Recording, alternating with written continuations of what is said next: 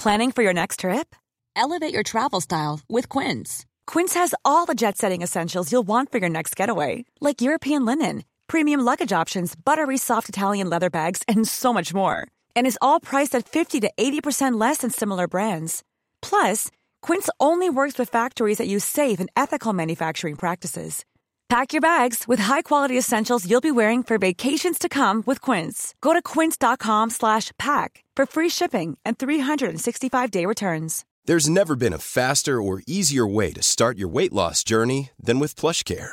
PlushCare accepts most insurance plans and gives you online access to board-certified physicians who can prescribe FDA-approved weight loss medications like Wigovi and Zepbound for those who qualify. Take charge of your health and speak with a board-certified physician about a weight loss plan that's right for you. Get started today at plushcare.com slash weight loss. That's plushcare.com slash weight loss. plushcare.com slash weight loss.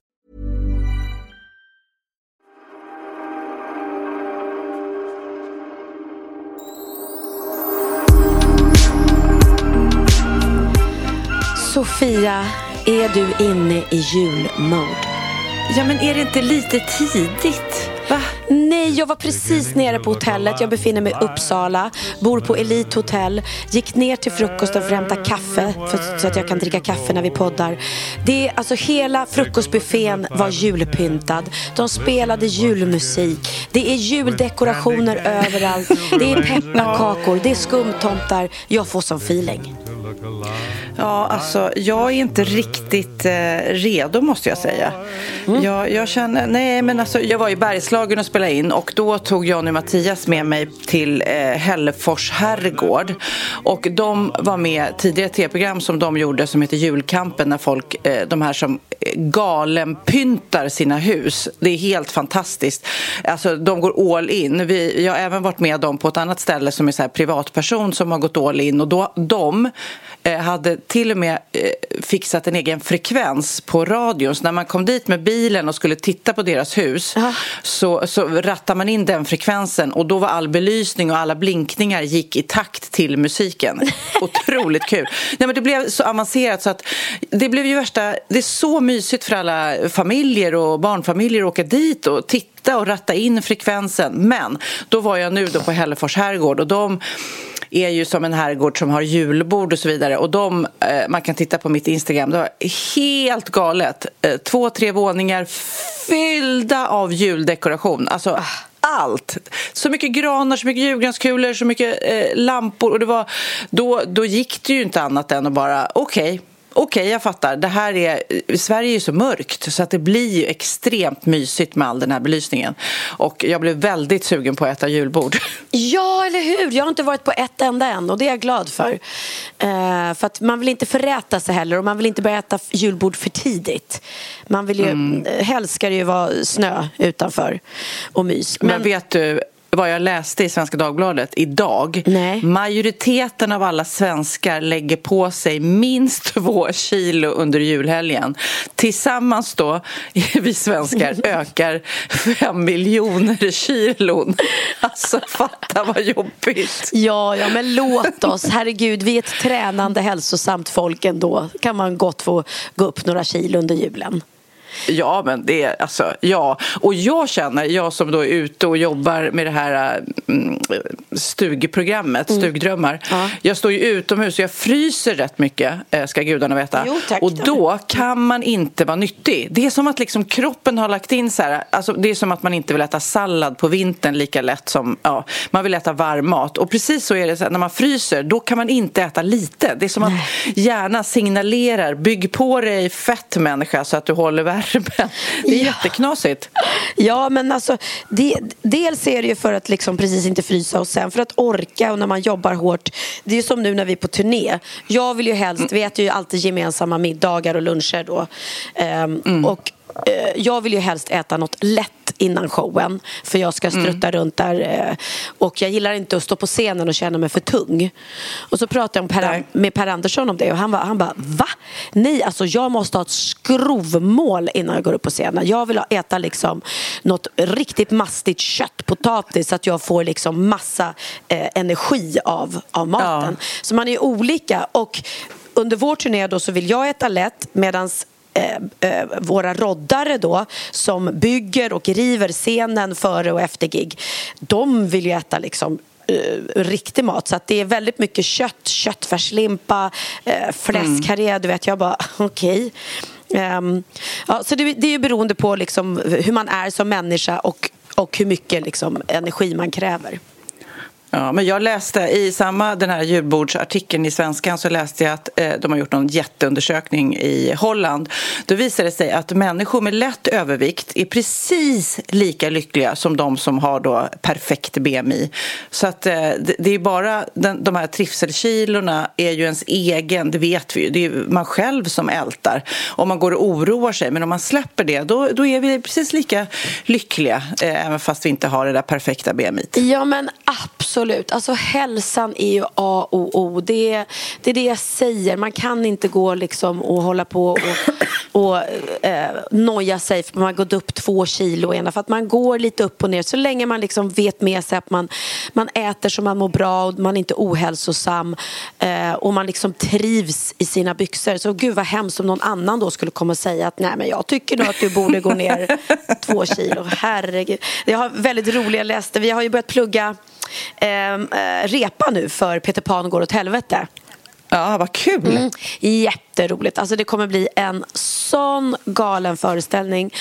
Och det kommer kräva så otroligt mycket liksom, koordination. Alltså allt måste ske exakt för att det allt går verkligen åt helvete. Allting. Så att, eh, vi har ju med en, en stuntman under hela repetitionstiden. Som... Vet du vad jag ser framför mig när du och Per Andersson eh, gjorde det där mellonumret? Ja, precis. Lite så. För då var det, vad var det som gick sönder då? Det var, jag klev ner i en glaskub. Eh, just det, en glasbox mm, som ramlade... såklart inte var glas, antar jag. Utan Nej, det var precis. något låtsasglas. Ja. Ja. Jag hängde upp och ner i en sele som mm. lossnade jag började brinna. Per Men är det den andan, ja. liksom, om man säger så? Mm. Exakt. Allt som går fel kommer gå fel. Och då spelar jag bland annat Tingeling. Och vi spelar ju en teaterensemble som spelar föreställningen Peter Pan och Allt går åt helvete. Mm. Så att min min eh, karaktär då, eh, kvinnan som spelar Tingeling, hon är väldigt missnöjd med sin dräkt för hon tycker att hon ser tjock ut i den. Och, då säger, och då säger jag till, till Ola Forssmed, som är teaterchef, säger jag, men jag vill ha en ny Tingeling-dräkt, jag ser tjock ut i den här. Och då svarar han, nej du ser inte tjock ut, du ser mätt ut.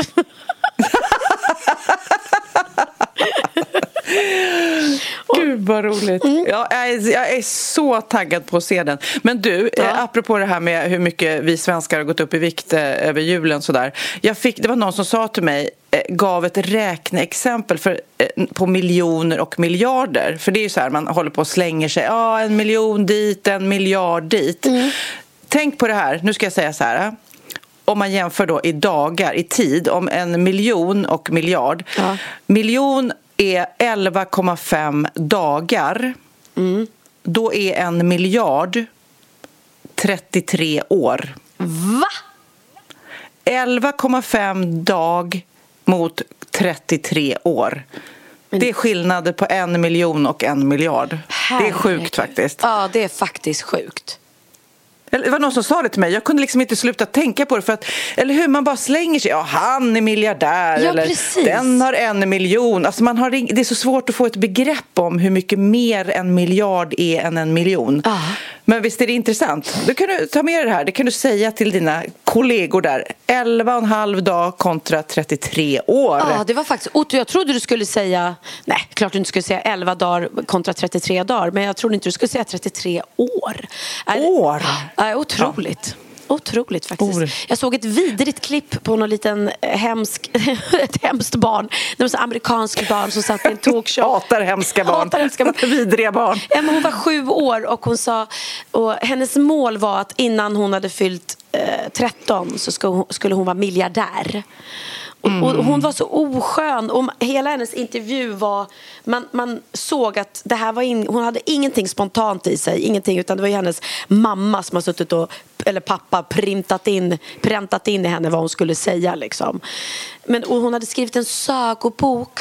Men hela idén med sagoboken var inte liksom att hon ville eh, förmedla någonting utan hela me meningen med sagoboken var att hon skulle tjäna så mycket pengar så hon skulle bli miljardär innan hon var 13. Det var väldigt... Oh, men har du inte sett det där klippet? Den här lilla killen som sitter, eller tonårskillen som sitter eh, i en amerikansk show och säger att han bryr sig inte om sin familj för de har inte tillräckligt mycket följare på Instagram. Nej men gud, och han är han, allvarlig? Ja, Ja, han är helt allvarlig och, eh, och han som eh, Dr. Phil är det tror jag det är. Ja, ja. Som är så här, eh, men vad menar du alltså? Din mamma, vad, varför spelar det för roll vad, hur mycket följare hon har? Mm. Nej men alltså på riktigt, det är helt, människor som inte har många följare på Instagram är helt ointressanta och de kan jag inte befatta mig med. Men hur sjukt Alltså ja. som att jag inte skulle... Ja, men ofta så har ju kanske den äldre generationen inte så mycket koll på eh, eller överhuvudtaget hälsosamt ointresserad av många följare på Instagram kan man ju säga. Ja, ja, ja, verkligen. Men gud, att det finns såna på riktigt. Jag hade ju en, en se, eller sketch, eller vad man ska kalla det, kort, klar och tacksam, där jag hade influencerkurs med de andra. Och då, då sa jag det att um, Ola Forssmed var ett tydligt exempel på en kompis som man egentligen inte behöver ha, för han har absolut inga följare. ja, precis ja. så. Du är som den här ungen, Exakt. Phil. Men jag också, det är så här fotbolls-VM nu, det är svårt att, att missa eh, i Qatar. Och jag, precis som det här räkneexemplet, så är jag så här, Qatar, Qatar, vad är det för land? Hur stort är det? Och så börjar jag så här nördkolla. Det är liksom två gånger Gotland. Alltså Qatar som har fotbolls-VM är bara ytan av två gånger Gotland och är så sjukt rikt för det är olja och gas och det bor så här två och en halv miljoner människor där. Oh, eh, alltså det är typ som Stockholm. Eh, så det är så litet och så korrupt att överhuvudtaget de har fått så här, eh, fotbolls-VM och, och spela en tid när det inte ska spela och i ett land som är konstigt i värderingar. Alltså ja, det är väldigt, inte... väldigt knäppt liksom. Mm, verkligen. Men två och en halv miljon på en yta, ja. det känns trångt eller? Ja, mm. och så har de också, det är så rikt land så att de, om de vill bygga ett hus så bara anlitar de värsta topparkitekten eh, och bygger det snyggaste, coolaste huset. Och vill de ha en fotbollsspelare eller handbollsspelare eller så här, då bara, ja, nej, men jag tror vi vill ha den som är bäst i världen. Alltså de köper människor. De köper ju ett helt VM nu liksom. Ja. ja det är helt, helt galet. Så men det, ja. förutom det så läste jag att det inte bara är fotbolls-VM som är mästerskap i Qatar i år utan det är också en internationell tävling för världens vackraste kamel. oj, oj, oj. Nej, men det är helt kul. Och, och så, det är så här, och, jättekul då. För det, jag har ju förstått, det har vi pratat om tidigare, att det är värsta businessen med kameler. Liksom. Och kameler från olika länder samlas där. De flyger dit dem eller transporterar dit dem. Och sen så är det också en stor utmaning, nu läser jag till för domarna att se så att de inte fuskar, så att de inte har genomgått skönhetsoperationer som botox, fillers och silikon på kameler. Du skämtar att man skulle Nej. kunna göra det? Nej, alltså, De bara, nej, vi måste, ja, men såklart, det kanske är, Ja, silikonpuckar för fan. ja, de tar ut så här Kardashian-rumpan ja. och sätter i någon ka kamelpuckel. Ja. Nej, men alltså, man fattar ju att det, om det är riktigt mycket pengar då i, i Snyggaste kamelen-tävlingen mm. så då, då börjar man ju säga, men fan vi måste, vi måste, pucken måste liksom eh, vara fylligare och de här läpparna, det hänger lite mycket, vi måste ha lite botox i läpparna på den här kameljäveln. Åh oh, herregud, vart är världen på väg? Vart är världen på väg? Vart är världen Vad på är skillnaden skillnaden nu på kamel och dromedar. Den ena har tre pucklar va? och den andra har Nej, två. Nej, inte tre pucklar. Du har väl aldrig sett? Inte? Nej, vad är? Jag tror att det är kamel har... som en och dromedar två, men... Eh... Jaha! men du och, du och jag har ju faktiskt ridit på kameler tillsammans. Ja, jo, jo. Mm. Det var väldigt, väldigt men, roligt. Men jag har värsta eh, julklappstipset till eh, dina hundar. Va? Ja, är du beredd? Är jag är du beredd? superberedd.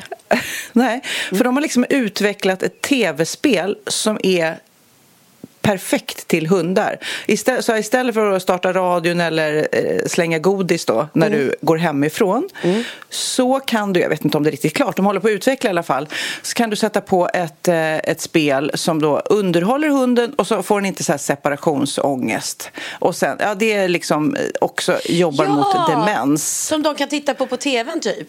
Precis, det är som en eh, typ av iPad ska det vara då. Och sen så, så till och med tror jag så att spelet ska skjuta ut, de gör olika grejer då med tassen antar jag, eller nosen och sen så skjuter ut godis så den får så här belöning och sådär. Ja, och så de, kan man styra inte... den med sin app. Ja, men Va? om de inte får belöning på riktigt är det ju inte. Det är ju bara hemskt. Det är djurplågeri. Jo, men den skjuter... Ja, ja, men... Vadå, ska Nej, du... men de skjut... Den ska skjuta ut riktigt godis. Du fyller väl på Va? då så är det någon liten grej som skjuter ut godis Åh, om de gör rätt med nosen. Då är de helt aktiverade när du är på jobbet. Ja, det låter ju fantastiskt. Men grejen är så här att jag har sett så många klipp nu på hundar som sitter och tittar på tecknade Lejonkungen. Och är helt fascinerade och gråter eller ylar eller... Eh, och jag fattar inte. Tänk om de liksom... För jag märker ju det att om det är andra hundar på tv när, när mina hundar är hemma så mm. faktiskt reagerar de inte bara på när de skäller utan även det känns som att de ser hundar på skärmen och blir liksom men reagera på det. Ja. Men det, jag undrar vad det är det där med det där Lejonkungen-klippet för det är väldigt många som lägger upp det. Och, eh... Det kanske är något, eh, något ljud. Jag hörde också att för i Lejonkungen, eh, spoiler alert för er som inte har sett den, så, så dödar ju Scar eh, eh, eh Lejonkungen, eh, Mufasa heter han va? Va? Nej, Gör vem är det som... Nej, jag skojar. Alla vet väl det. Mufasa ja, dödar. Ja, jag, jag bara, va, Mufasa är den dumma. Men vem Scar är väl den dumma? Jaha, ja så är det kanske ja. Ja, det har du rätt i. Mufasa är, Lejo, är Simbas pappa. Jag tror det. Ja, ja. och Scar knuffar ju ut... Eh, Precis, och så kommer en, en jord och, och springer över honom. Just det. Och, eh, och nu, ska vi, nu ska vi lyssna på det allra, allra sorgligaste klippet. För så här låter det när Lejonkungen eh, hittar sin pappa där död. Nej men gud. Pappa? Kom igen nu. Du måste komma. Pappa? Nu, vi måste gå hem.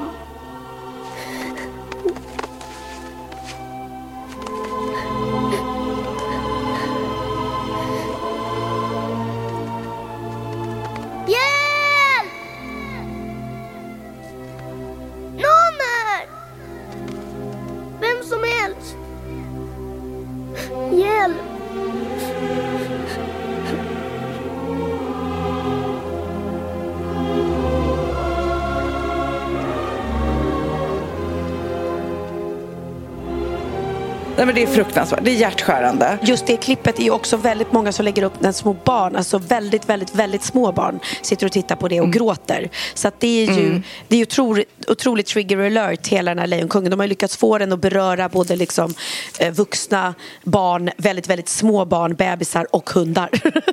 Mm. Men vill du veta något ännu vidare? För det här tog vi upp eh, på Energy på radion eh, förra veckan tror jag det var. Ja. Det är ju att en, en spin-off på det här är ju också sen är ju Skar tillsammans med de där hemska hyenorna och festar och då ligger det någon skalle ifrån ett lejon där så det visar sig att de sen äter upp brorsan. Åh. Ja men det är klart, han är väl... Fast det här, det här får man ju bara tolka själv. Men du, du brorsan, fattar. pappan. För det gör ju lejon. Nej, Skar och Mufasa var väl bröder? Var inte Skar en varg? Nej, han var ett lejon. Märks ja, det att jag inte riktigt men, eller, har kollat på Lejonkungen? Nej, du bara alla kan ju Lejonkungen. Nej, men du har helt rätt. Jag tror att Scar och Mufasa var bröder och sen så dödade Scar eh, Mufasa och sen Eh, tror jag, om man tolkar det som det faktiskt är i verkligheten mm. på savannen, då käkade Scar och eh, de där hyenorna upp eh, för Mufasa. Ja, hyenorna gjorde det definitivt. För de är ju mm. asätare. Men ja, mm. läskigt. Eller, Gud, här tar vi upp viktiga ämnen. men den är, jag undrar, jo det är klart jag har sett Lejonkungen. Jag såg ju musikalen, den var ju fruktansvärt tråkig. Men jag såg den också den har ju gått så många år. Jag tror de har slutat faktiskt efter hundra år att den går inte längre i London. Eh, men när jag Ja, såg men Lejonkungen som film är fantastisk. den är fantastisk. verkligen. Men musikalen den hade gått väldigt länge när jag såg den. Det var en trött ensemble och eh, Benjamin, eller Theo som var med satt bara och tjatade hela föreställningen att han ville gå hem. och jag bara, de här biljetterna kostar över tusen spänn, nu sitter du kvar. Du, eh, jag har hört en rolig historia i veckan. Nej men är det sant? Mm. Jag älskar roliga historier. Är det något Ja. jag kan använda på scenen ikväll? Vet du varför eh, Silvia har tatuerat Sean Banan på snippan? Ja, för där glider kingen in. Ja. jag tycker det var jätteroligt. Den är så jävla... Ding, ding, ding, ding, ding. Där glider kingen in. Ja. Jag har också en limrik. Det här är En dansk yngling från Mön gick till doktorn och bytte sitt kön. När detta var gjort han ångra sig stort för nu har han mindre i lön. Nej, men... Det tycker jag var jätteroligt. Ja, fast det, det stämmer inte med dig och mig, äh, Sofia. Vi är power Nej. women och äh, har alltid Ja. tjänat bra pengar själva, utan män. Ja, ja. Det är skönt. Men du, jag vill veta, du har ju varit på värsta festen i veckan. Vi har ju inte setts. Edvard av Silén fyller gammelgubb. Han blev 40 och jag hade faktiskt, det var en svår dag i mitt liv. För jag var tvungen att välja mellan, skulle jag gå på Edvard av Silens 40-årsfest eller skulle jag gå på Petter Stordalens 60-årsfest dit jag var inbjuden. Ehm, och det var ett dilemma, men jag kände ändå att Petter och jag, eller Peter, vad heter han? Petter Stordalen? Petter. Petter. Så nära var ni. Så nära var ni. Vi är så Så att du inte ens vet om han heter Peter eller Petter. Nej, Exakt. Nej, men eh, han är ju helt underbar och eh, vi lärde känna varandra faktiskt eh, nu när jag var i Oslo och vi var hemma hos honom och hade så trevligt. Så att jag var jätteglad att jag var inbjuden. Eh, otroligt fint. Eh, men det är också, i mitt schema så fick jag inte riktigt ihop det med att flyga till Oslo och eh, vilket, för då, jag var tvungen att jobba på dagen och allting. Plus att jag och Edvard går ju liksom way back eh, lite mer. Men det är inte ens en fråga. Nej, men Alltså, det är Edvard och du har ju liksom jättegamla kompisar. Du har träffat eh, Peter Petter Stordalen en helg. Jag vet, Kom men det är ändå få förunnat. Få svenskar förunnat att få äran att bli inbjudna till hans Ja, ja, ja, ja, 60-årsfest. ja. Nu ska du inte vara så kändisimpad. Jag är Gå på s- dina vänners tillställningar istället. Ja, ja, nu jag i alla fall Nej, berättat. Sofia, jag kan inte komma på ditt för att eh, Shakira har firat någonting här i London. Exakt. Jag träffade ju henne en gång på 80-talet. Jag träffade henne en gång i hissen eh, och eh, Ja. kände att nej, men jag går nog på hennes fest istället. Nej, nej, nej men herregud. Jag, eh, jag Ja. missade ju bara tydligen uppträdande av Sara Larsson och, och Victor Leksell och massa Äsch. andra stora Äsch. kändisar. Berätta nu om din riktiga väns eh, fest. Min riktiga väns fest var på Oscarsteatern och eh, han visste bara att, att han skulle eh, få en fest där och det fanns en festkommitté. Eh, och sen var vi ju då massa härliga eh, branschfolk som älskar Edvard och har jobbat med honom som eh, uppträdde eller mm, hyllade honom med olika nummer och det började med att eh, två av maskerna från Masked Singer kom in till hög musik. Och jag är ju, alltså, jag är inte bara snygg, jag är så jävla smart också. För jag sa på en gång, det där är ju David och René. Och alla bara, va? Vad tror? Jag bara, med 100 procent. Då räknar jag ut så här, klart David jobbar med Messinger, han har sett till att han får låna maskerna. Eh, de är två stycken, David och René är ett par, båda har jobbat med Edvard. Det är klart det är de. Och det var det. Väldigt roligt. Och de gjorde ett väldigt, väldigt roligt tal till Edvard där de eh, sa att de kanske inte är så bra som alla andra där på att sjunga och dansa och göra show och, och så. Men de är väldigt bra programledare. Så att de höll hela talet som programledare med. Medans, och David var då liksom sitt, den här härliga typ Mask Singer eller Let's Dance-programledaren som bara Edvard av Silén, han är det, han är det, han är härliga killen. Och, och, och sen så när René tog över då var hon liksom René, den lite mer allvarliga som bara Edvard av Silén är adopterad. och så körde hon så här. Så att de sa typ samma saker fast hon la hela tiden den här lite Edvard af Ja, Helén är en härlig kille men han är homosexuell. Mm. Nej, och det var väldigt mycket så. Vi, vi skojade med honom. Eh, eh, alla har ju väldigt mycket så här, den ironiska eh, generationen. Ja, för er poddlyssnare som inte har koll på Edvard, det är nästan så ni ska googla honom för att han ligger ju bakom Oj, han ligger bakom så många av teateruppsättningarna och eh, melodifestivaler, manus och att han har gjort så mycket och han är så eh, rolig och duktig och eh, filmnördig och teaternördig så att jag brukar liksom när han lägger upp på Instagram filmtips och Ja. tv-tips så, så spar jag alltid det för jag, det, är så, det är som att man har en guide för han är så nördig själv liksom. Vilket gör att han blir väldigt bra på sitt jobb och regissör är han ju. Precis, att han har ju eh, regisserat och varit med och skrivit tillsammans med oss eh, Hybris och eh, eh, står bakom Tutsi som har, går på Oscarsteatern och även då ska regissera Peter Pan går åt helvete och sen har han gjort den här julfilmen som eh, ehm, jag inte kommer på vad den heter nu men den är otroligt populär och, eh, eh nej, men, och han kommer med en ny film snart också med David eh, eh, Helenius och han är, nej, han är otroligt och sen är det också han som eh, i alla fall i, i de flesta år, jag vet inte hur det är nu men eh, har varit den som presenterar melodi nummer åtta i Melodifestivalen. Han har ju så jävla Just skön det. röst och är också kommentator i Ja, Eurovision. och på Eurovision, precis. Precis. Ja, nej, väldigt roligt. Så det var ju Men och vad, vad höll du för tal eller sjöng för sång då? Jag och hela Hybrisgänget sjöng eh, den låten som vi gör i, i Hybrisshowen så gör vi ur The Greatest Showman så gör vi eh, This is, eller Me tror jag den heter, ja. Fast jag sjunger eh, det är jag, vem var fyra år när hon stod på scen Där jag sjunger om mig själv och skryter Och då gjorde vi en, en sån om, om Edvards eh, liv och allting. Det var väldigt roligt. Och sen eh, Per Andersson uppträdde och eh, eh, Sarah Dawn Finer gjorde sin fantastiska karaktär som hon brukar göra i Eurovision och Melodifestivalen. Eh, Petra Mede höll ett jätteroligt tal.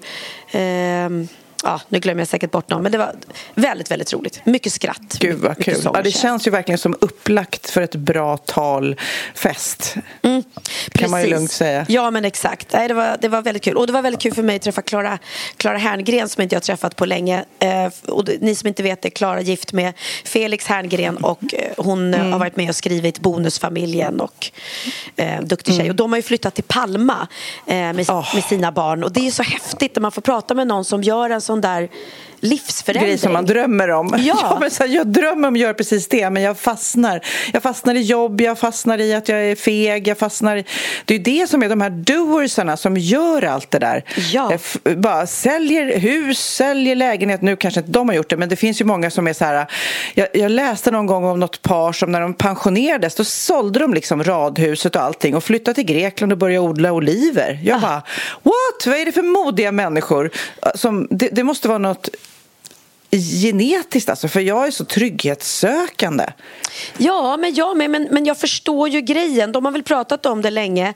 Eh, och så De ska börja med ett år, så får de väl se hur det blir. Men, men hon sa det också, att jag trodde inte att vi skulle komma ner så mycket i varv och bli så lugna som vi, som vi har blivit sen Ja. vi flyttade hit. Och även, de jobbar ju och Felix pendlar ju liksom, hon skriver ju manus hela tiden och så. Men det är ju någonting med det där med lite sol och värme eh, och komma bort från vardagslunket och, och stressen som det antagligen blir då i, i Sverige med, med allt.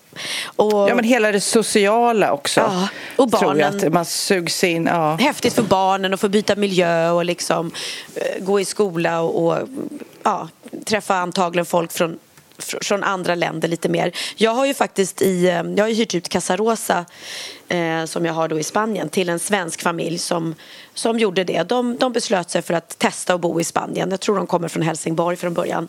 Eh, två, två barn och som de då har satt i svenska skolan i, i Spanien och bor där nu. Eh, och de älskar det. De trivs så, så bra. Så att, ja, det, är, det är häftigt. Det är coolt när man vågar, kan och, och. Mm. modigt. Ja. Vet du vad som gjordes för exakt 30 år sedan idag? Alltså 3 december 1992. Nej. Nej, då skickades det allra, allra första smset. Va? För 30 år Alltså för sedan? 30 år sedan idag. Det är helt otroligt. Det var liksom eh, Merry. Christmas. Det var någon så här god jul som skickades från någon ingenjör då i Storbritannien. 22 år var han som skickade. Knappa in det på sin dator och skickade det då. Så det kom Till ett en annan dator Till då? firman. Ja. Nej, till eh, en annan telefon. Va? Fanns det mobiltelefon för 30 år sedan? Ja. Den 3 december fyllde sms 30 år. Eh, Det var den första var en julhälsningen eh, eh, som skickades. Vänta, ska vi se här. Ja. Jo, men vi var 20, vi var ju, herregud, vi var ju 25 år då. Ja. Jag läste det här på eh, ett, ja, på Sveriges Radios Ekot så hade så här, ja, sa bara 30 år sedan första smset kom och så hade de också några exempel då på så här historiska sms här i Sverige och ett såklart var det där första smset som var Merry Christmas men det här är då 2011. Mamma, säg till polisen att skynda sig. Folk dör här.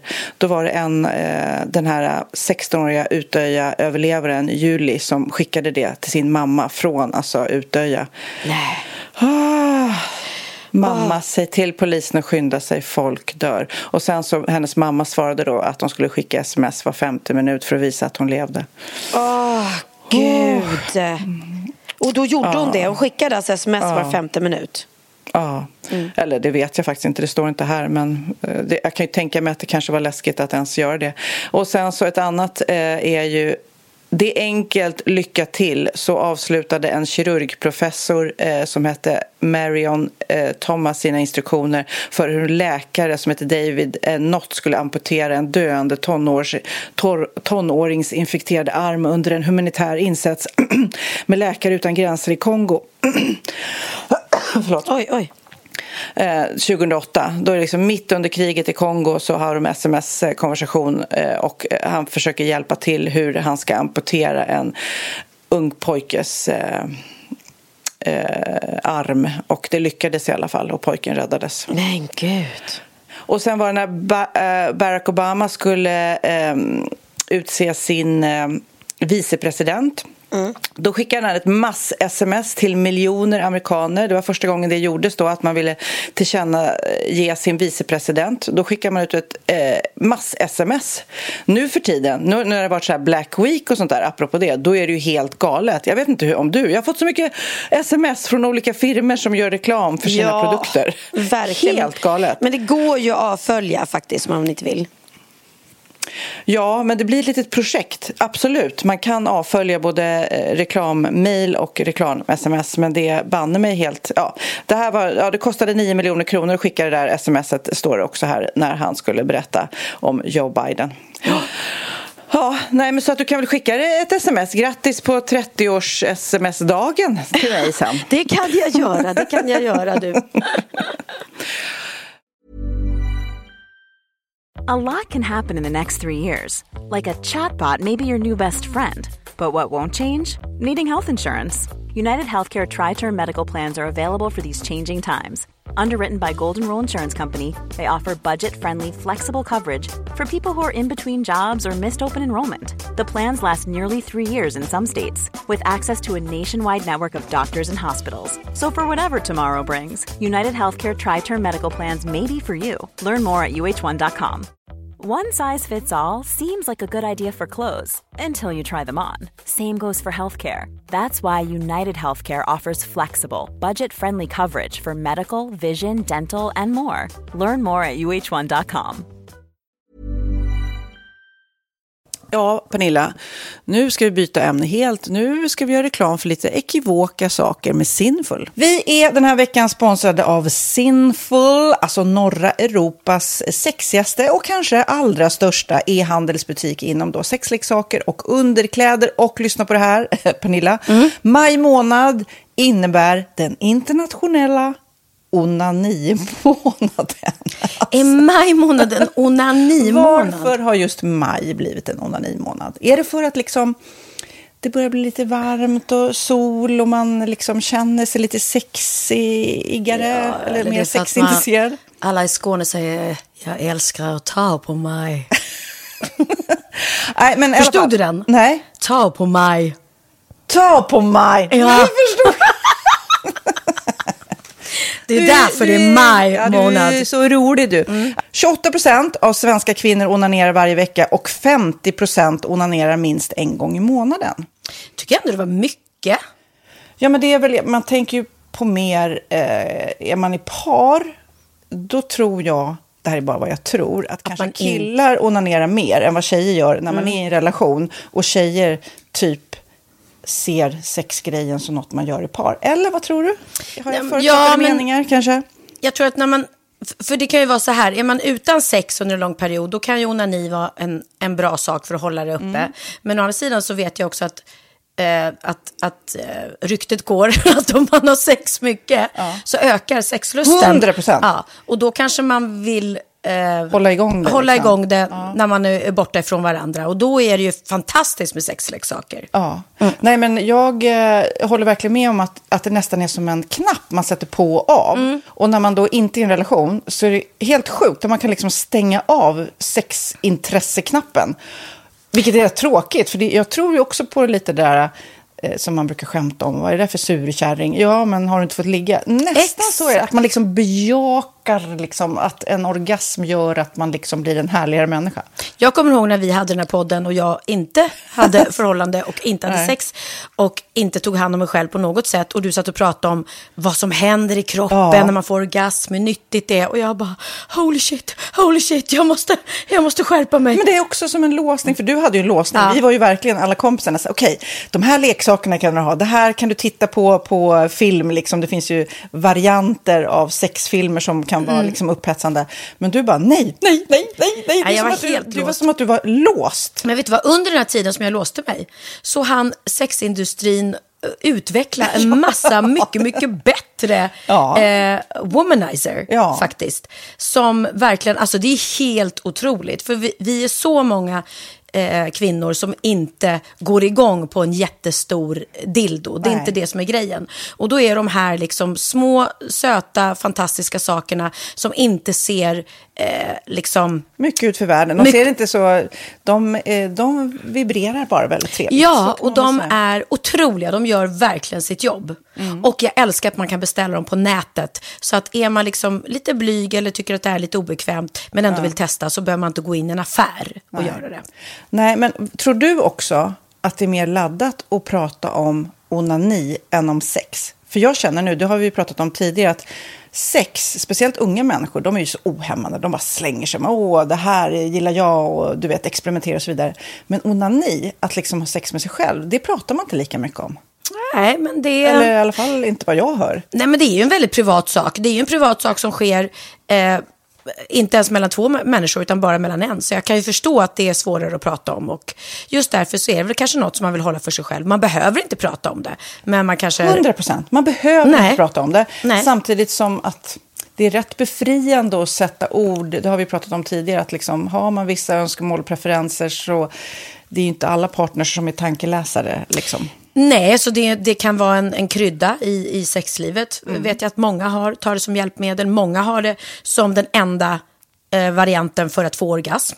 Att de måste ha med sig, en, inte en tredje person, men en tredje ja, Attrapp, liksom. attrapp i, i Det är sängkammaren. roligt, det var en annan kompis till mig, där ett par, där verkligen, de, jag tror att det var en womanizer som de provade och använde som par. Gud, nu låter det som jag pratar om mig själv, men det här var inte mig. En kompis. Ja, en kompis. Nej, men, eh, och då blev det nästan så att killen blev svartsjuk, för tjejen var så här, nej men den här eh, womanizern måste vara med varje gång vi har sex.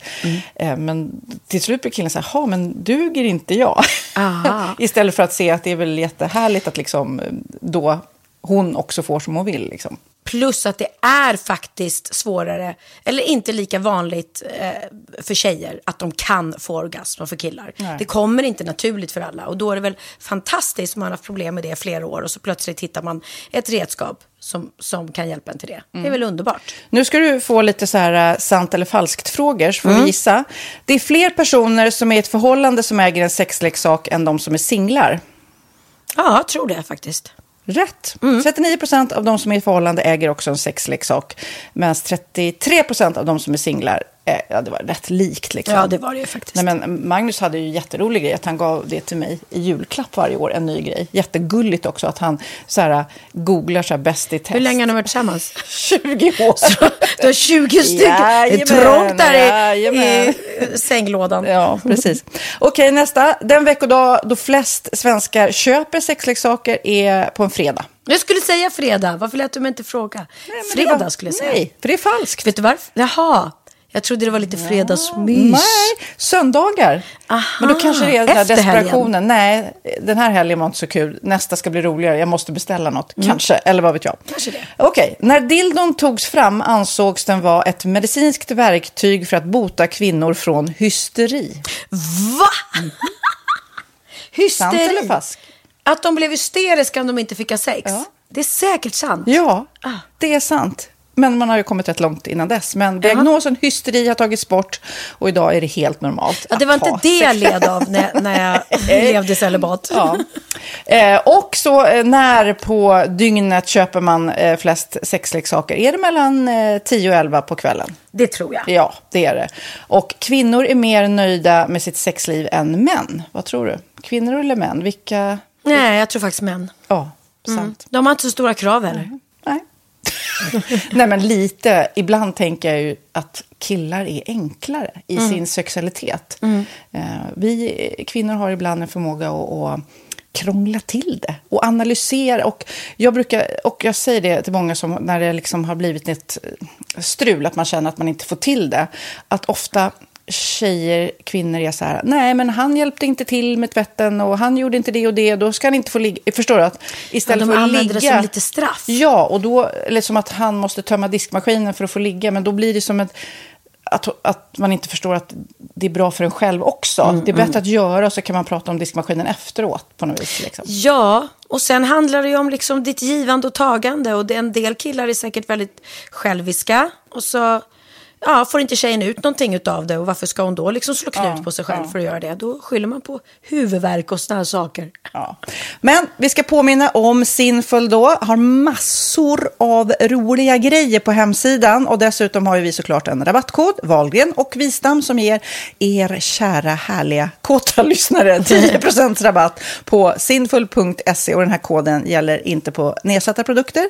Och den är giltig från nu till den 30 juni 2024. Så att, eh, ja. Hur var koden nu igen? Valgren och Wistam. Mm. Alltså det känns som att eh, om man eh, tar fasta på det här så kan det bli en riktigt härlig sommar för många. Verkligen in och botanisera bland allt eh, kul nytt som finns kan jag säga. Vi är sponsrade av Postkodlotteriet den här veckan och ja, de flesta känner nog till Postkodlotteriet sedan innan. Och nu finns chansen att vinna tillsammans med dina grannar och vinster för 48 miljoner ska delas ut i sommaryran. Det vill man inte missa Sofia. Nej, gud, det är helt otroligt. Och just nu får man ju också dina produkter från ditt eget märke, Pernilla, Laquila, på köpet när man köper sin då postkodlott för 180 kronor i månaden. Och det är ju ett värde då eh, på 556 kronor som levereras då eh, månaden efter första lotten. Och det om man köper sin lott senast 31 maj 2024 och max tre lotter. Ja men alltså det är perfekt. Dels är det här soliga vädret, man kan bli miljonär och man får eh, kroppsvårdsprodukter till stranden och solsemestern för alltså det här otroliga priset. Och, och snart är vi där och det är viktigt att vi skyddar vår hy. Och om det regnar eller är dåligt sommarväder så kan man ju trösta sig med ett härligt ja, hemmaspa typ. Eh, vad är det som kommer mer då Pernilla? Nej men alltså, man får då alltså C Me Glow, det är vitamin C face mist, vilket är väldigt bra nu på sommaren. Pina Colada som är en body sugar scrub. One in a melon som är en moisturizing body gel. Och Must Be Mango shower cream. Du hör vilka roliga namn vi har. Nej men alltså det är ett otroligt kit för ett otroligt pris. Och så kan du bli miljonär på kuppen. Ja, men det är ju inget att tveka om. Så köp din postkodlott idag på postkodlotteriet.se. Mm. Åldersgränsen är 18 år och kontakta stödlinjen om du eller någon anhörig spelar för mycket. Vinstsumman på 48 miljoner delas med grannarna i vinnande postnummer. Och du kan ju tänka dig själv om grannarna vinner och så har du ingen egen lott. Det kan verkligen bli grannosämja. Man vill ju liksom vinna tillsammans. 100 procent. Vi är sponsrade av Readly den här veckan och har du kollat in nya numret av Café Pernilla? Nej men snälla, mitt lilla gulliga, eh, vackra, snygga, begåvade hybrisbarn kanske snart, jag vet inte. Benjamin, han har alltså vunnit årets, eh, Sveriges bäst klädda man eh, just i Café. Så han är ju på omslaget den här veckan och jag har inte hunnit kolla in det ännu så jag ska verkligen göra det. Ja, men du kan göra det i iPaden direkt för du har ju Readly som vi har ett samarbete med. Men jag vet och jag älskar ju Readly. Och för er som inte har koll så är det alltså en digital prenumerationstjänst med över 7000 tidningar och magasin i en enda app som är tillgänglig på din smartphone, surfplatta eller dator. Mm. Och jag har alltid gillat magasin, man älskar dem och bläddra i det. Men det är helt omöjligt att köpa alla och de är tunga och de tar plats. Och nu så har man ju hela tiden den här appen med sig och det är perfekt. Då håller man sig uppdaterad med både så här aktuella händelser i dagstidningar, man kan läsa nya saker, dyka ner i favoritintressen. Jag älskar ju fotografi till exempel, det finns massor med fotomagasin. Och dels har de ju en massa pålitliga, väletablerade källor i appen såklart, som är en av anledningarna till varför människor älskar Readly, men också för att man liksom kan testa upptäcka lätt, för det är väldigt dyrt och omständigt att gå och köpa till exempel, vi säger en sportfisketidning och sen så är det ingenting för dig. Nu kan du liksom bara klicka dig runt och upptäcka nya intressen. Mm, jag har ju några favoriter. Jag älskar allt om mat. L tycker jag är jättehärligt. Kolla lite mode. Och nu börjar jag ju spana in, självklart då, bröllopsmagasin också. Och då behöver jag inte köpa hem de här tunga, dyra magasinen. Nej. Och Readly har ju allt från nyheter, politik eh, och andra tusentals då nischade intressen.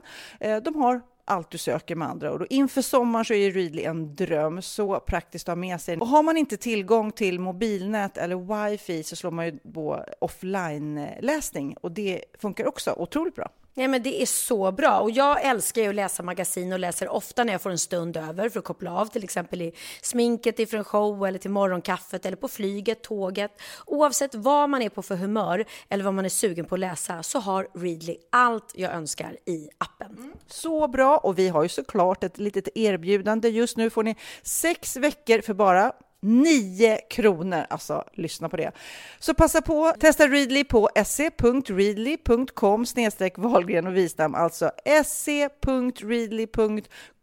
snedstreck Wahlgren och Wistam och få sex veckors läsning för 9 kronor. Tack Readly! Ja, men förstår du? Bröllopsmagasin, matmagasin, café för 9 kronor. Du driver. Mm. Hur går det med huset, Pernilla?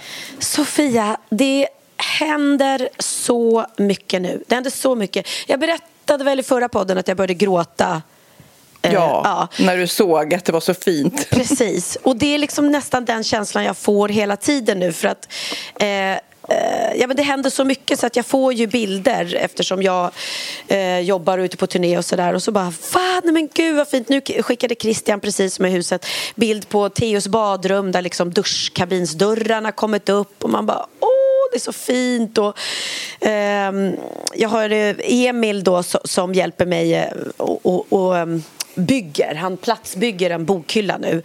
Eh, mm. Och han är mm. så duktig och glad och rolig och jag har varit med om så positiv människa. Emil Fixar heter han om, om ni ska följa honom på Instagram. Ja, men han har ju jobbat med oss i Sofias Änglar i flera år. Just det! Och han berättade att han gjorde någon enorm hälsoresa där för att han, mm. han mm. åt massa fikabröd hela tiden. Ja, jag vet. Det, det är som sagt var det jag gör nu för tiden.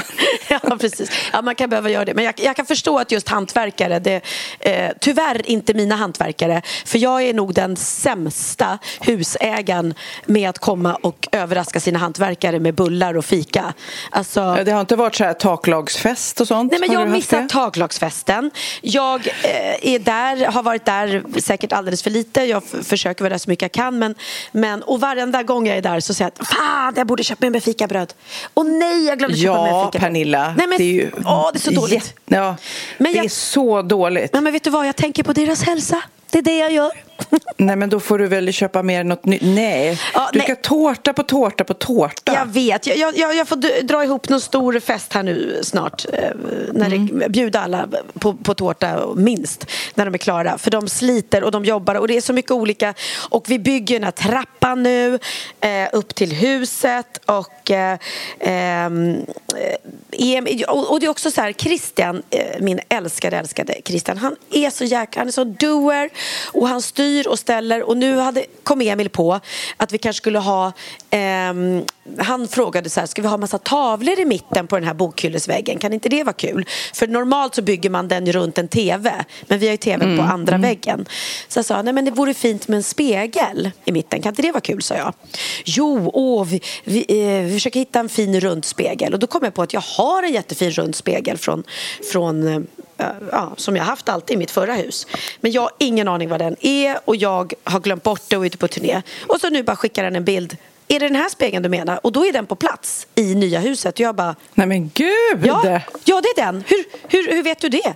Nej, Krille, då har, då har han lyckats eh, typ utan min medskap fråga Krille, känner du till en rund spegel som Pernilla har? Och han har ingen aning. Så han har gått in då i kaosrummet eh, där vi bor nu, där allting står och lyckats hitta den här spegeln och nu sitter den uppe eh, på väggen där och det är så fint. Och jag bara, åh! Och jag älskar ju Alltså, också att använda det man har så att man inte bara Ja, tar nytt såklart. återbruk. Det är så, I mitt det här tv-programmet som jag gör, Ja. Stugdrömmar, när vi kommer till de här gamla, ofta historiskt häftiga ställena, Mm. då är det ju eh, så kul att allt från så spikar till och med ibland krokar som är fina, handtag. Alltså, vi byggde ett kök på ett ställe som var bara av sån här drivved som låg utanför som typ folk skulle elda upp. Ja. det blev så, så fint. Men det är ju också, det blir en själ Ja. när man får in, speciellt när man bygger nytt som du gör, att få in lite gammalt, nu kanske inte en spegel ser så gammalt ut, men på just sådana här sommarhus, Mm. att man faktiskt inte bara slänger och köper nytt, för det, då blir det lite sterilt. Ja, nej men precis. Och sen, sen är det ju olika vad man har för stil. Vi pratar mycket om det. Eh, eh, för att jag har ju eh, en nu har jag liksom en ganska färgglad eh, stil i det här huset som kommer bli och väldigt så här boutiquehotellaktig som säkert de då som, som är eh, jag har filmat en del med Thomas Sandell till exempel den eh, duktiga arkitekten. Eh, och han har ju en helt annan stil så han har ju varit så här okej, ja det här är ju inte riktigt min stil. Nej men absolut men han säger också det att det är inte min stil men jag kan uppskatta och se det här eh, hos andra men jag skulle inte vilja bo så själv. Och jag var hemma hos Jennifer, min kompis häromdagen som är otroligt duktig på att leta. Hon älskar då designmöbler som hon hittar på auktioner på nätet eh, och ropar hem då ibland och fyndar liksom. Och det är ju såna här möbler som jag aldrig skulle vilja ha själv men jag älskar dem hemma hos henne. För att Det, det ger, och det är det som är så kul när man eh, bor att så tråkigt att ha det som alla andra har det. För att många av de här nya influencerna, de är lite bajsnödiga tycker jag. De är lite, åh, det ska vara exakt likadant och det ska vara, eh, se precis likadant ut hos alla, alla eh, hopa. Och det, herregud, våga gå lite utanför ramarna och göra ditt eget. Liksom. Det är, Ja, jag har en dröm. Alltså jag är kär i en soffa. En gammal soffa som typ är från... Det är en duxsoffa eh, i zebramönster. Och den, alltså jag har sett den på Bukowskis någon gång för länge sedan. Den finns, jag har satt mig på så här om den någon gång kommer till salu. Och jag bara, någon gång i livet ska jag äga en sån. Och den är gammal och det är en soffa. Det är jättekonstigt att, vilja ha en gammal soffa. Men alltså jag vill ha en gammal duxsoffa som är zebramönster. Är det någon som har så snälla DMa. Ja, men då- jag vill ha en. Då får du ju kolla på såna här auktionssajter för rätt vad det är så Ja, dyker det men jag upp gör det, jag gör det, jag gör det. Ja. Ja, men det är klart du ska göra det. Ja. Ehm, nej, men så att, det, så att jag har sånt, sånt pirr just nu i... Då kanske det blir julafton, födelsedag slash i nya huset. Tror du det? Nu? Vad är status? Jag ja, tror- nej. Nej, jag tror det. Jag tror det faktiskt. Ja. Balalala, vad roligt. Kommer du över och säger grattis till mig Ja, då? det är klart jag gör. Helt galet. Häftigt. Ja, ja, men vi får se. Allt, allt, allt, eh, det, det, jag, jag vet att det, det är mycket som kan hända och så, men jag, jag hoppas, hoppas, hoppas, hoppas. Så det är kul, jäkligt kul. Nu, nu är det kul att bygga hus. Jag hade en period där jag bara känt så här, nej men gud, vad, vad har jag gjort liksom? Ja, men det är lite gulligt. Eh, Kim berättade det, han var och käkade lunch med Uffe Brumberg, för de umgås. Då var de och käkade på Firren i Lidingö centrum. Och då hade Ulf sagt så här efteråt. Men du, ska vi inte åka förbi och, och kolla på Pernillas hus? Och han bara, ja. Han bara, jo men jag vet precis var det ligger vet du. Det, det, vi, vi åker förbi och kollar. Så de hade gjort som en liten sightseeing, åkt förbi, tittat på huset Ja, ja. utifrån och bara, nej fantastiskt. Du Så- kan nog vara beredd på att det kommer gå sån här celebrity tour här eh, eftersom Exakt. Det är så mycket snack om det där jäkla huset så du kommer ha en liten eh, turiststopp där utanför. Och om ni tittar på höger sida ser vi den, den klassiska eller omtalade trappen som Pernilla hade så svårt att få upp till. Exakt. det Mm, Den har alltså 42 trappsteg. Uppe till höger ser ni Pernillas knullrum. Ja, vet du vad jag har köpt förresten? Nej. Jag har köpt en flygel. Oh! Ja, Och, ja. och den ska flyga upp antar jag då, eller? Den, flygen ska flyga upp, eh, såklart. Eh, ja, all, alla möbler kommer faktiskt att, att hissas upp med lyftkran. Eh, det är enda sättet att få in dem nu. Så att, eh, ja, ett tag tänkte jag, ska jag ge den till Benjamin i, i julklapp eller födelsedagspresent? Men å andra sidan, den står ju hos mig. Så man kan ju inte ge någonting som man har hemma hos sig Nej. själv. Nej. Så att, men jag Nej. köpte den och det känns eh, skithäftigt. Jag har ju liksom eh, rita, på ritningen till själva huset så har det alltid stått en flygel i det rummet eh, Mm, som arkitekten ritade in. Så att vi har ju kallat det för flygelrummet. Så det känns Mm. lite löjligt att ställa dit något litet, litet piano liksom. Så att, eh, Oj, Gud vad spännande. Det känns så stort att ha ett hus som kan ha en flygel. det känns jättestort. Det skulle ju du kunna ha lätt hundra gånger om. Men, men, eh, Nej, nej, nu, ja. Mm, ja, mm, Ja, mm. jo då, jo då. Men det, det krävs ju någon som kan spela på den också. Så att, eh, Ja. eh, jag hade inte köpt ett så fint... Kalle Johansson, Ja, men exakt. Kalle Johansson, Ja, det- Kalle Johan. Det är så roligt med så artister som knappt kan spela piano men de köper värsta flygen och så sitter de där och bara spelar typ Kalle Johansson. Så att jag har faktiskt köpt... det här instrumentet är inte för mig utan det är faktiskt för att jag älskar när Benjamin eh, Ja. sätter sig vid, vid, vid pianot eller flygen och spelar. Och, Ja. eh, ja, nej, så att... Eh, Wow. en, en, en gedigen, ett gediget instrument har jag köpt, inte bara en möbel för det, det är fantastiskt. Men jag börjar, nu pratar du om julbord och hur vi ska fira jul, men jag är faktiskt taggad för att vi ska ju då åka på juldagen till Spanien för då har fått låna ditt fina hus, det är jag jätteglad för. Men på eh, julafton, då samlas alla fyra barnen hos mig med lite respektive. Även min bästa kompis Lisbeth som bor i LA vanligtvis och hennes son kommer. Eh, Magnus bror kommer... Äh, vet, det där som man kanske ibland tycker är lite stressande att eh, det blir mycket släkt och vänner. Min mamma och hennes man kommer förbi.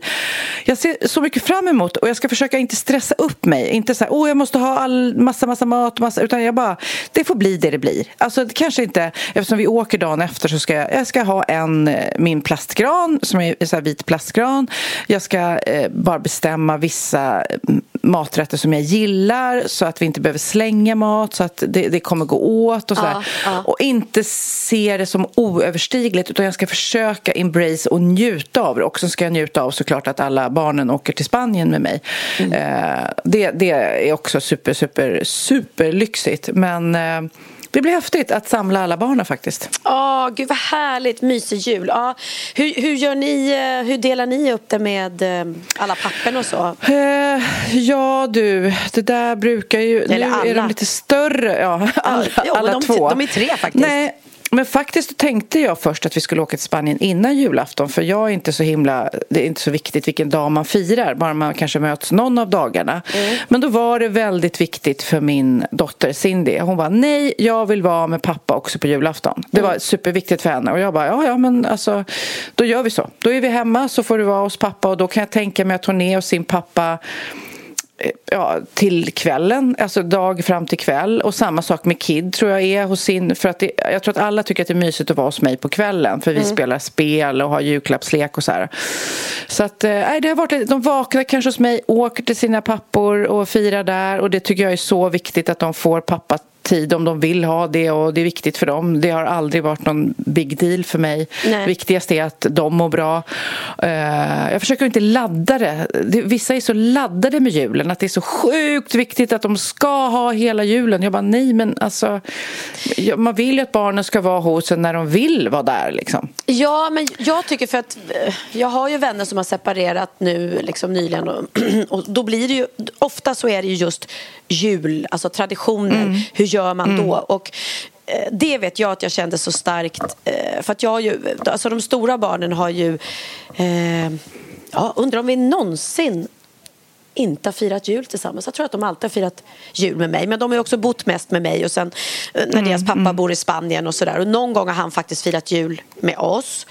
Mm. Um, Ja, men det gör man kanske i början också, precis när man har separerat. När man är så här, kanske ingen har träffat någon ny. Precis. Och, ja, det är vi... lite så här, äh, vi gör det för barnens skull, ja. fast det kanske blir lite krystat. Men äh, man biter ihop. Precis. Men sen, efter ett tag, när man har träffat någon ny, då, då får man liksom... Jag kommer ihåg när jag var liten, eh, på det glada 70-talet, när mina föräldrar separerade, då hade de jul, eh, på ett ställe och nyår på det andra stället. Mm. Alltså så man switchade så. Ja. Och då visste man och då var det inte, det är nog många som Nej, har så men kanske. Exakt, det viktiga är ju liksom att, att alla får känna sig delaktiga och vara med, både, både ja. båda föräldrarna och barnen. Och i Theos fall så, där var jag väldigt så här, nej, alltså jag kan inte tänka mig om vi skulle ha varannan jul, att jag ska fira jul utan Theo, liksom, eller utan mina barn. Det var så otroligt viktigt för mig. Så jag är så glad att jag och Theos pappa alltid har kört att vi delar på julafton. Så antingen mm. är han eh, på morgonen hos mig, firar min födelsedag och sen går han över till pappa och är där på kvällen. Eller också mm. någon jul så har han sovit hos, hos Jocke då, så, och sen kommer han till mig på kvällen. Men, mm. men jag är otroligt glad att, att, att jag fått vara med om det. Och jag lider så med... Jag kan inte tänka mig något värre eh, än att tvingas vara utan sina barn på, ja, men, eh, som julafton som är liksom en mm. sån typisk dag då alla samlas med familjen och allting. Och faktiskt eh, måste jag eh, tipsa er poddlyssnare angående det här för att vi lyssnade på en podd eh, här när vi åkte på turnén. Eh, den är sex avsnitt så att vi, vi lyssnade under, under flera resor. Och den är, handlar om precis det här, min Alltså mardrömmen som förälder att inte få vara med sina barn trots att man vill det och inte gjort något fel. Mm, mm. Eh, podden heter Under ytan. Eh, mm. Och... Eh, jag måste ta på mina glasögon för att eh, det är en... Ehm, det är, under ytan är undersökande journalistik. De avslöjar och blottlägger maktmissbruk, korruption och rättsövergrepp i den absoluta samhällstoppen. Och, så att det här är ju då journalister som har ehm, eh, ja, som gräver och så pratar de om olika fall. Och den här podden mm. jag pratar om eh, den heter då Att väljas bort som förälder. Mm. Eh, och det, är, alltså, det tog oss så hårt. Jag kan ju säga att jag eh, vet ju lite mer om, om det, just det här fallet än de andra gänget för att jag har känt pappan då i det här fallet som har valts bort mm. som förälder. Mm. Eh, jag har känt honom sedan han var 14 år och jag vet ju att det här inte är en ond person. Det är ingen hemsk människa. Det är ingen person som, som eh, har drogmissbruk eller, eller eh, drick, har alkoholmissbruk eller är uh, misshandlare eller hotfull. Utan det är en pappa som helt enkelt har successivt bara liksom valts bort som förälder. Eh, och det är helt, alltså, du vet när man lyssnar på podden, man blir helt galen att det kan få gå till så här. Mm. För att han, blev, han fick rådet ganska tidigt, det här har pågått under flera år. Eh, och han har ju då försökt eh, Alltså successivt så, så drogs eh, barnen, och det ena barnet specifikt i början, bort från honom. Eh, mm. och, och, då började de ha samtal mm, och, hos socialen om det här. Eh, och successivt så har han bara mer och mer och du vet, det är så mycket i den här podden och, och som kommer upp till ytan verkligen. Men eh, pappan har alltså då i flera år kämpat för att få tillbaks eh, kontakten och få träffa eh, sitt yngsta barn i, i det här fallet från början. Eh, och det, det, är så, jag sitter ju liksom, jag vet ju pappor som, som inte varit så intresserade av att träffa sina barn mm. överhuvudtaget. Och, och här har vi en pappa som verkligen, verkligen vill men inte får. Och förstår du den? Men jag tycker ofta, ja, men ofta om jag som har då eh, både skilda föräldrar så att jag har varit skilsmässobarn och eh, har skilt mig själv med barn. Mm. Det är ju inte alltid barnen vill träffa eh, den andra föräldern. De är ju i perioder, de är mammaperioder eller pappaperioder. Men då är det ju ens plikt. Vi säger så här att Kid inte eh, ville vara med sin pappa, det ville han, men, alltså, men om han inte hade velat det, mm. då är det ju min plikt som mamma att säga Sorry Kid, det är inte ditt beslut, nu är du hos pappa. För att för att man måste hjälpa till. För sen nästa Verkligen. gång är det ju att han vill vara hos sin pappa och inte vara med mig. Då, då vet ju jag att eh, hans pappa hjälper till och säger nej men vet du vad nu, nu är Kid 30 år så att mm. Men när, när barnen är små. För att, och sen så kommer jag ihåg, eh, det här var ja, för jättelänge sedan, en av mina kompisars föräldrar skilde sig och då hade pappan, som det ofta var på den tiden, väldigt mycket mer pengar än mamman. Mm. Och mamman hade en liten lägenhet, inte råd med något tv-spel och lyxiga grejer. Vad vill ungen vara? Eller min kompis såklart, alltid med pappan. Mm. Alltid, alltid, alltid. Och då blir det så sjuk obalans. Då är det ju Alltså då, I min värld då måste ju pappan hjälpa till och säga ja, tough shit och du har inte allt hos mamma men du får vara där var, var det nu är hälften eller varannan helg. Eller, alltså, för att det är klart att barnet ofta väljer det som är bekvämast eller eh, lyxigast ibland liksom, när det är väldigt obalans. Ja. Och sen tycker man också kanske att i min kompis fall så tycker man ju att pappan kunde kanske hjälpt mamman så att det blev lite jämnare. Eh leverne liksom. Ja, ja, men ändå, det är ju inte det som, herregud, tro mig, det har varit, herregud, med, med Theo också, de kan vara sura på sin mamma eller pappa eller säga jag vill inte gå, han har haft perioder också när han varit så jag vill inte vara hos pappa, men det är klart du vill, eller, eller, eller han har sagt till sin pappa att jag vill inte gå till mamma. Så är ju barn i perioder, exakt som du mm. säger, då får man väl hjälpa dem och vägleda dem. Man kan inte hålla på, nej men vill du inte det, då ska inte du behöva. Och säger man så hela tiden, för den här podden handlar också om någonting som heter PAS. Eh, mm -hmm. mm, som är, nu kan inte göra det engelska. Vad, vad, betyder det? Ja, men det är, på engelska är det parenting, alltså att, man, att den ena föräldern systematiskt säger till barnet du behöver inte vara hos den andra föräldern. Nej, vet du vad, du, klart du ska vara hos mig hela tiden. Och här är det bättre. Alltså man, man genom att ständigt liksom, man, man eh, man låser fast barnen, barnet så att det till slut, man kanske ger det, lägger skuld på det om, det om det trivs hos pappan eller gör så att det får dåligt samvete och till slut vill barnet inte gå alls till pappan eller, eller mamman. Det är ju en stor del av att skilja sig. Och när jag eh, har vänner som har separerats där och de är arga för olika saker, otrohet eller svek eller ja, ilska på alla möjliga saker som mm. blir i en separation, du vet. Man får ju aldrig blanda in barnen. Alltså man, får aldrig blanda, man får aldrig prata skit om den andra föräldern. Man får bita sig och skrika i kudden för man är så arg på sitt ex. Liksom. Men man får ju aldrig, aldrig låta det gå ut över barnet, eller, tycker jag. För att det, då blir det ju liksom att de anklagar sig själv eller måste ta ställning eller bara nej, nej, nej. Man får liksom stå över det. Och samma sak kommer jag ihåg när jag, i någon separation där när ens ex träffar en ny. Det enda viktiga då är man får liksom putta bort så här svartsjuka och allt sånt där, att det känns konstigt att ens ex träffar någon ny. Det viktigaste är ju bara att de är bra med mitt barn om man har barn tillsammans.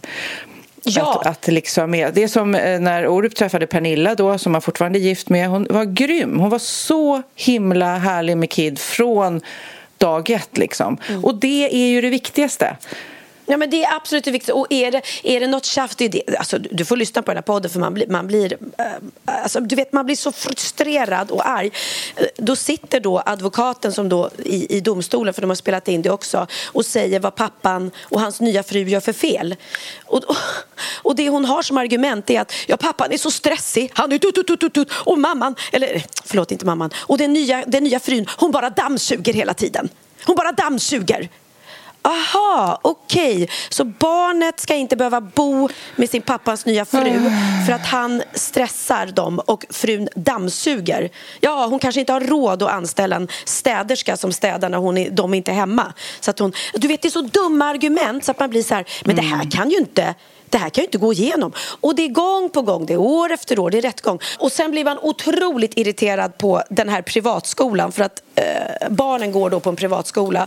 Eh, och det vet vi ju alla som har delad vårdnad och allting att det krävs ju två föräldrars underskrift för att de ska få byta skola eller, eller flytta. Eller jag kan ju ja. inte liksom, du måste ju alltid ha båda föräldrars underskrift. Och ändå så har de här eh, barnen då lyckats komma in på privatskolan. Pappan har ingen aning om detta, han blir inte informerad. När han ringer till skolan så, så oj, de förstår ingenting och va, hur kan det bli så här? Ja, jag vill gärna ha pappa, jag vill gärna vara delaktig och se hur går det för min, min son i skolan? Hur, vad har han för betyg? Får man komma på något kvartssamtal? Ja, absolut, självklart. Och sen bara går åren, samma sak där, ignorerar honom som att han är luft liksom. Och du vet, man blir så här, hur kan det få gå till? Till så här. Um, uh. ja, vi, vi var otroligt upprörda allihopa. Ja, i, då ska i vi lyssna på den. Under ytan. Det heter Parental Alienation Syndrome. Alltså att äh, äh, föräldrar Ja, nej, det, jag kan inte översätta det. Ja, nej, men på svenska... Parental alienation syndrome. Precis, och på svenska blir det då föräldraalienation. Eh, och vilka, då pratar de om det, vilka konsekvenser det får för barnet på lång sikt. De pratar också med en kille som heter Mikael Alonso då, som pratar om... Han har varit aktiv i, i Föräldrajuristen, eh, en mm. byrå då som är främst för fäder som inte får träffa sina barn. Eh, för att det här händer ju. Det, vi har ju en förmåga att tro att mammorna alltid är, är de bästa och att papporna inte behövs. Men tro mig, hur mycket jag än har haft konflikter med mina barns fäder och avskytt dem och avskytt saker de har gjort mot mig eller behandlat mig illa. Det har ju ingenting att göra med mina barn.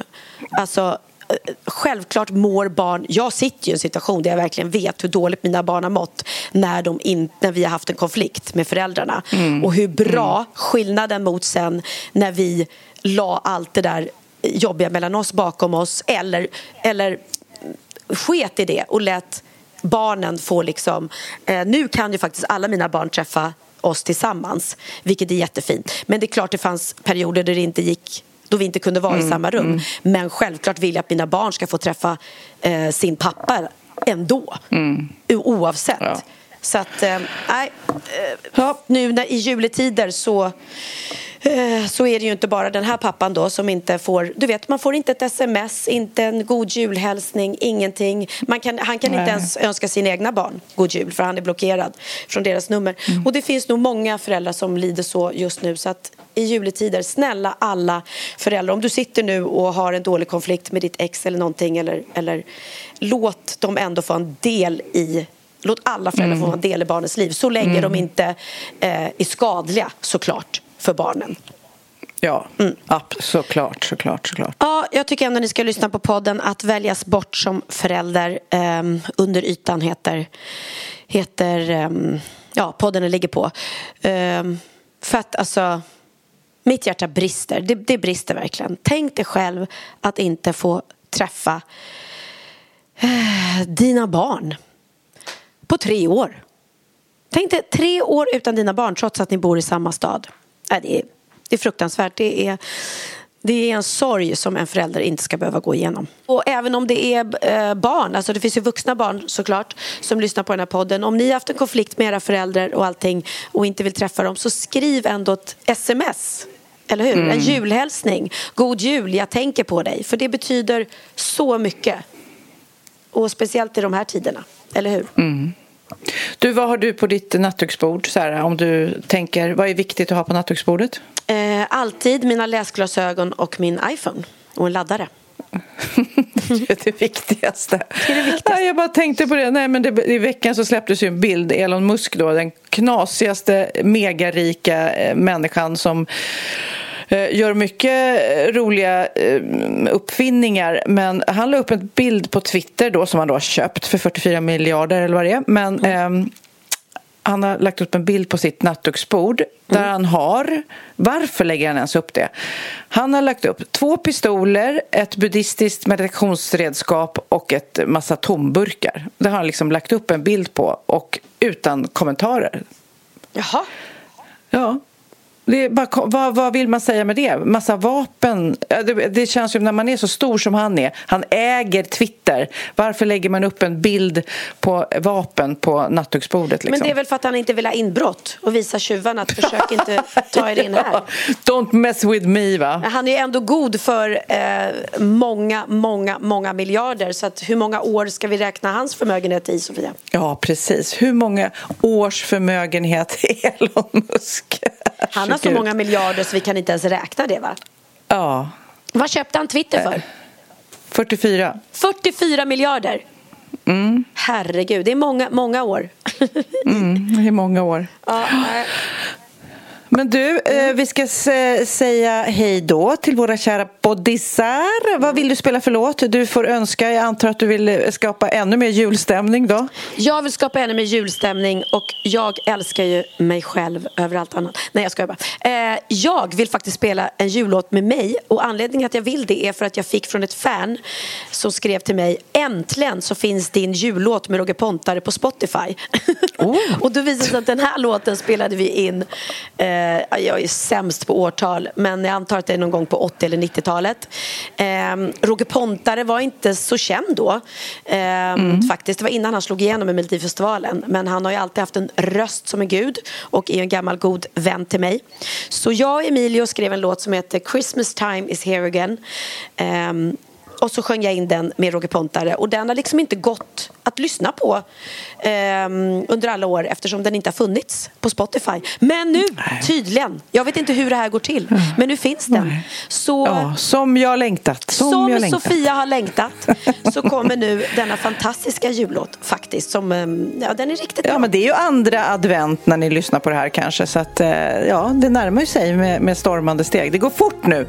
Det känns som det går fort nu. Och 21 december tror jag det är, då börjar det bli ljusare igen. Det är ju härligt. Ja, verkligen. Men vad heter eländet, eh, förlåt, låten? Den, jag sa det, du lyssnar inte på mig Sofia. Nej, Den heter jag Chris... zoomar ut. Du zoomar ut när jag pratar om mig själv. Ja. Ja. Christmas time is here again. ja. Ja, jag kan inte säga det bättre än så. Och det är precis vad det är. Julen är här igen Sofia. ja. Ja. Vad Puss och skönt att du översätter också. Puss, puss. Hej då.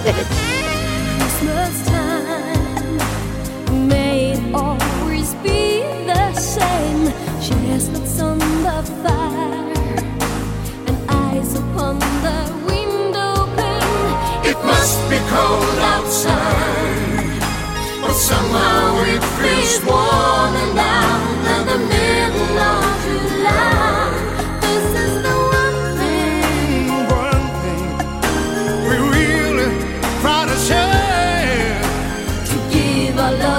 show we can come. Christmas time is here again. Time to give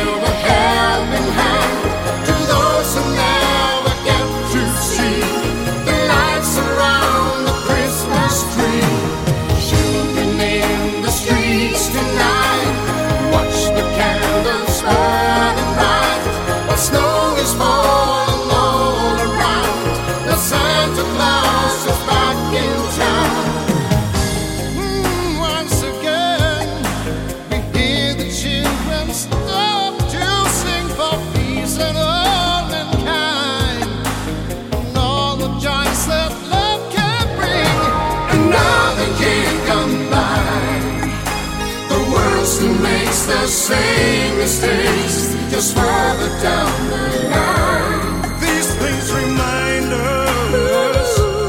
We'll have to find along the way. But hope is in our hearts today. 'Cause Christmas time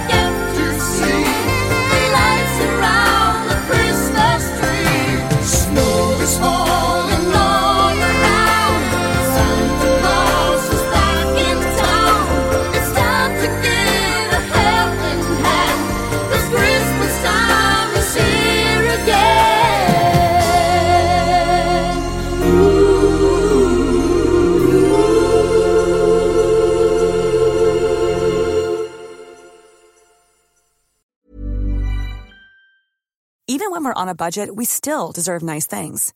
Quince is a place to scoop up stunning high-end goods for 50 to 80% less than similar brands. They have buttery soft cashmere sweaters starting at $50, luxurious Italian leather bags, and so much more. Plus, Quince only works with factories that use safe, ethical, and responsible manufacturing. Get the high-end goods you'll love without the high price tag with Quince. Go to quince.com slash style for free shipping and 365-day returns. Hold up. What was that? Boring. No flavor. That was as bad as those leftovers you ate all week. Kiki Palmer here, and it's time to say hello to something fresh and guilt-free. Hello Fresh. Jazz up dinner with pecan-crusted chicken or garlic butter shrimp scampi. Now that's music to my mouth. Hello Fresh. Let's get this dinner party started. Discover all the delicious possibilities at hellofresh.com.